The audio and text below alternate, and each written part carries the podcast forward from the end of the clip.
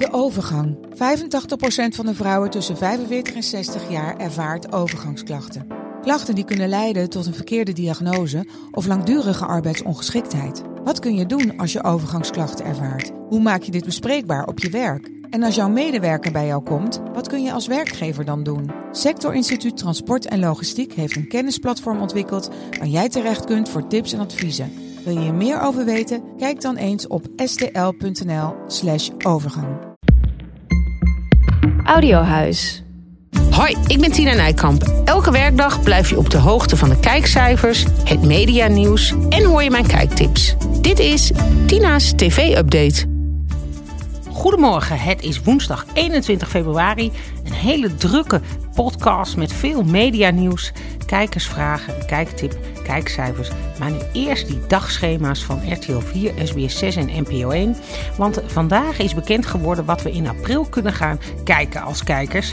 En uh, dat betekent, ik zal uh, daar een paar hoogtepunten uit noemen, dat we bij RTL 4 vanaf woensdag 3 april kunnen gaan kijken naar de piano. Dat is dat uh, nieuwe programma van Chantal Jansen, waarin ze op zoek gaat naar de beste amateur pianist. En dat wordt dus op woensdag uitgezonden. En dat staat dan tegenover de dramaserie De Zussen op NPO 1. Dat gaat ook op woensdag om half negen. Dan van start op exact diezelfde 3 april. Dus dat wordt nog wel een spannende strijd wie dat gaat winnen. Uh, dan uh, heeft RTL 4 een nieuw programma aangekondigd voor op de dinsdag. Vanaf 2 april gaat daar staan, daar gaan ze weer. En dat is een programma, daar doen ze nog wat vaag over. Maar daar gaan oud deelnemers van programma's gaan opnieuw een avontuur aan in het buitenland. Dus waarschijnlijk zijn dat oud bed and breakfast deelnemers of oud reality uh, deelnemers. Maar in ieder geval min of meer bekende Nederlanders zullen dat zijn. Maar wie dat zijn, willen ze nog niet zeggen. Dat staat er nog niet bij. Daar willen ze later een heel persmoment van maken. Er staat wel een plaatje bij van een zonnig kasteel in Frankrijk of Spanje. Dus het zal wel over in ieder geval iets opstarten in het buitenland gaan. SBS 6 heeft op die dinsdag in plaats van Urk gaat beginnen met een, uh, dat heb ik al eerder verteld ook in de podcast, met een docusoap over Sint-Jan-klooster. Hoe dus dat dorp zich klaarmaakt voor een bloemencorso. Ja, ik moet heel eerlijk zeggen, daar verwacht ik toch niet zo heel veel van. Ik denk wel dat RTL 4 dat met gemak kan gaan winnen. En dan hebben we ook nog op NPO 1 Bed and Breakfast. En uh, nou ja, dat is dan wel spannend wat dat dan gaat doen tegenover dat nieuwe programma van RTL 4. Maar ik verwacht dat Bed and Breakfast dat eigenlijk met het grootste gemak qua kijkcijferstrijd gaat winnen. Dan bij SBS 6 is opvallend dat meester Frank Visser doet uitspraak, wat altijd een ontzettend grote hit is geweest de afgelopen weken, op de donderdag opeens verhuisd naar de maandag. En dat heeft denk ik te maken met het feit dat NPO 1 op die maandag vanaf uh, dus april daar Hunted Into the Wild Vips gaat doen. En dat komt weer heel erg overeen met het jachtseizoen. En dat staat nu op die donderdag. Dus uh, ja, ik denk dat dat daarbij iets mee te maken heeft. Uh, en het jachtseizoen gaat dus weg van de zaterdag en komt dus op die donderdag terecht. Heel spannend wel. Want daar heeft het eigenlijk nog nooit gestaan. En op die zaterdag heeft SBS 6 Marble Mania. Nou, daar verwacht ik heel weinig van. Het vorige seizoen was ook niet een heel groot succes. Wel iets bekend, want het op het plaatje staat Winston Kerstaan of iets. Dus die mag met zijn als freelancer toch nog weer een programma doen bij SBS 6. En uh, op de zondag hebben we weer uh, ja, het zoveel seizoen van die Code van Koppens. Heb ik ook al eerder vermeld in, uh, in de podcast. Daar zijn de opnames inmiddels van afgerond. En heel opvallend wat er in, het, in de, de, de presentatie staat, is ergens in een bijzinnetje dat man bij het hond wordt daar ergens genoemd. Dus het zou kunnen dat SBS 6 bezig is met een terugkeer van man bij het hond. Ik hoop het voor uh, hen kijkcijfer technisch niet.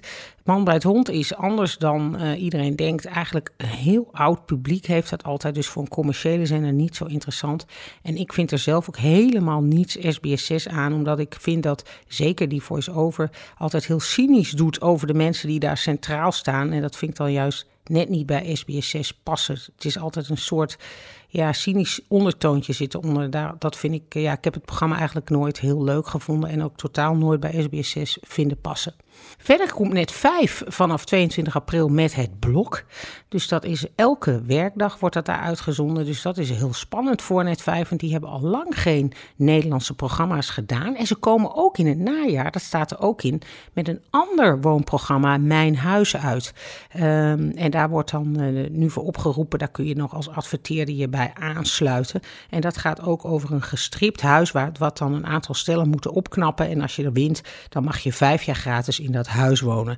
Nou, kortom, er is heel veel nieuws in april bij RTL 4, SBS 6 en NPO 1. Het wordt een spannende maand. Het is ook altijd een hele dure maand. Er kan heel veel geld worden verdiend uh, in april en mei. Dus belangrijke maanden voor alle zenders.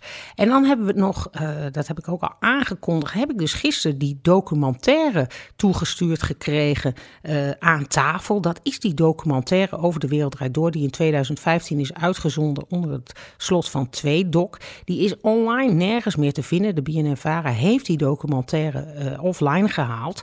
Maar hij is me dus toegestuurd gekregen. En, ik heb nog opnieuw zitten kijken, omdat daar nu uh, toch wat gedoe over is. Omdat Eus uh, ja, zegt dat hij een filmpje heeft gezien. En dat zou dan weer van het ruwe materiaal afkomstig zijn van die documentaire. Iets wat de regisseur van die documentaire overigens ontkent. Die zegt als ik zoiets had gehad, had ik het wel in die documentaire gestopt.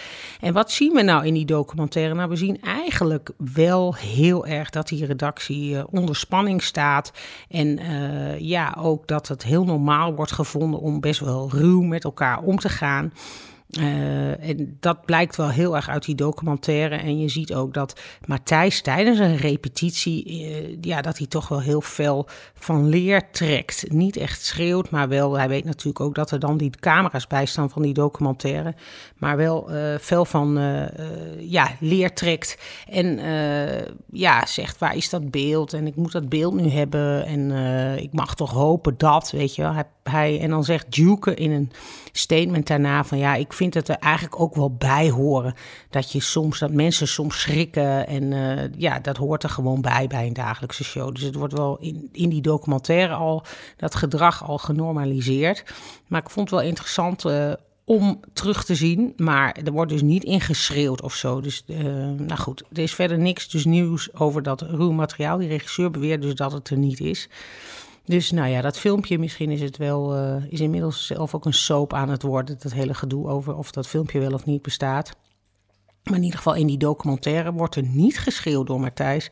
Wel een beetje stemverheffing. En je ziet wel, en dat vond ik het meest opvallend, dat er heel veel angst is. En een redacteur zegt ook van ja, je bent zo goed als je laatste uitzending. En als je het verprutst, ja, dan, uh, ja, dan houdt het eigenlijk gewoon op. Dat zegt hij.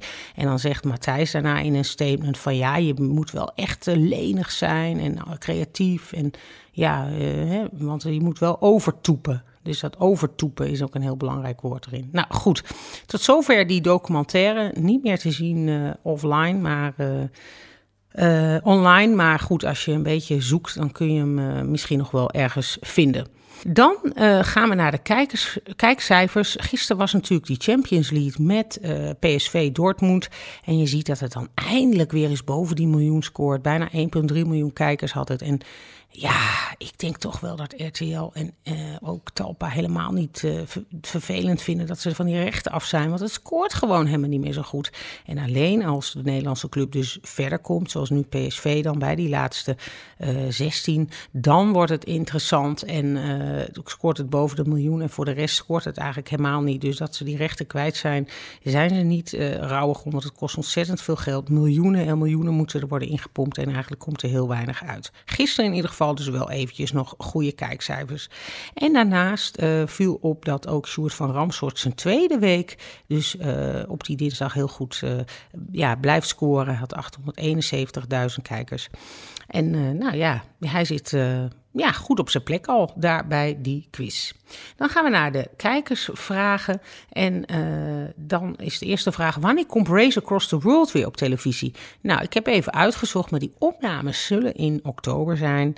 En uh, die kunt je nu al aanmelden. En uh, dat betekent dus dat, die, dat dat programma volgend, begin volgend jaar op televisie zal zijn. En waarschijnlijk is dat ook weer met Martijn Krabbe. En dan nog een vraag: hoe kunnen nou al die kleine zenders zoals Paramount en Comedy Central en zo, hoe kunnen die overleven? Ja, nou goed, de advertentiemarkt voor, voor televisie is best heel erg groot. Dus uh, adverteerders vinden het toch nog een heel fijn medium om uh, ja, bij te adverteren. Dus ja, er is genoeg geld nog te verdelen, ook voor die kleine zenders, die vaak bij een, natuurlijk een groot Amerikaans of ander buitenlands concern horen. En ja, die hebben heel veel package deals maken die. En zo kunnen toch eigenlijk hebben ze een goedkope uitzendmanier gevonden waar toch nog best veel geld aan te verdienen valt. Nou, dan hebben we nu alweer de kijktip. Nou, vanavond is het ook weer Champions League, wel buitenlandse clubs, dus iets minder interessant. En op NPO 2 is een programma te zien van Jannie van der Heijden. Voeding en ons brein heet dat. En dat is om vijf over negen op NPO 2. Ja, voor de rest is natuurlijk de woensdag ook weer de woensdag van het verhaal van Nederland.